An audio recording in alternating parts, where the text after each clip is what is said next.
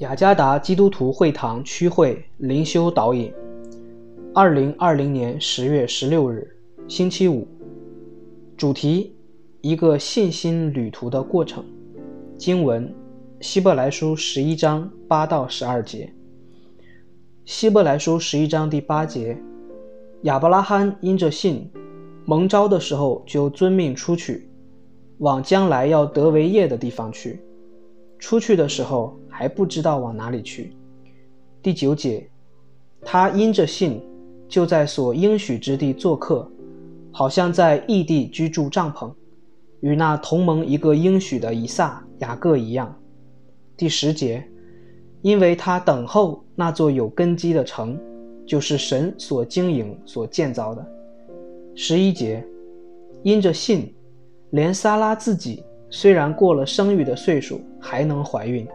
因他以为那应许他的是可信的，十二节，所以从一个仿佛已死的人就生出子孙，如同天上的星那样众多，海边的沙那样无数。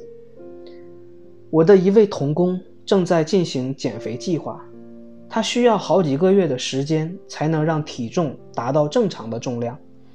这件事对他来说很是不容易，他必须减少饭量。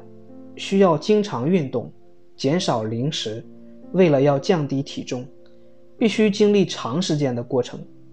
当他成功度过了这场奋斗，我这童工变得更英俊和健康。生命也是一种过程，是一种等候神作为的过程。希伯来书作者教导我们，为了要得到神所应许的事物，也必须要经历一个过程。何时才能完成？却是根据神的主权与旨意，所以需要忍耐和恒心。比如亚伯拉罕也是经历到一个过程，因为他等候那座有根基的城，就是神所经营、所建造的。我们必须要向神祈求力量，以致在经历过程中有耐心，直到神将他的福祉显明在我们的身上。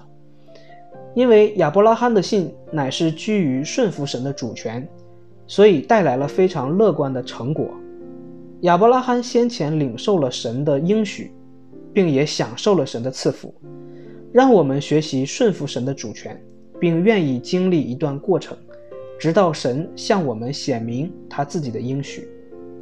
信心不是自动产生，而是透过听觉、默想与执行神的话。